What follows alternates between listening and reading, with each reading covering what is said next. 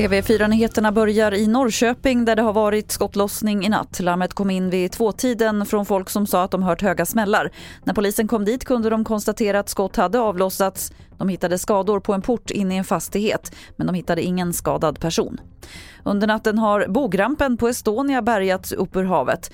Den har pekats ut som en viktig del för att förstå hur det gick till när Estonia sjönk och nu håller man på att frakta den till Estland där den ska undersökas. Det här är den tredje sommaren i rad som det görs undersökningar på platsen där 852 människor miste livet.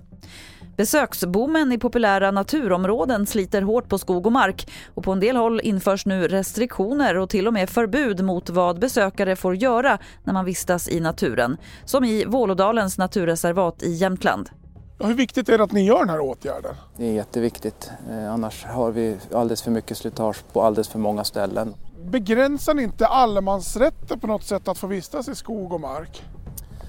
Eh, man får ju vistas i skog och mark ändå. Det är inte alls så utan det, det vi gör det är väl att, att, man kan väl säga att i vissa fall så in, inskränker man till viss del på allemansrätten.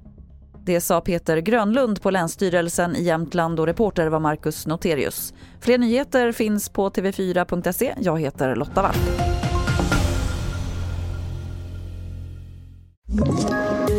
Poddtips från Podplay. I podden Något Kaiko garanterar östgötarna Brutti och jag, Davva, dig en stor dos skratt.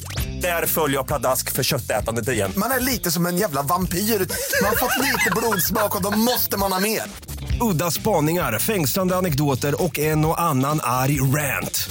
Jag måste ha mitt kaffe på morgonen för annars är jag ingen trevlig människa. Då är du ingen trevlig människa, punkt. Något Kaiko, hör du på Podplay. Därför arkadeinerna.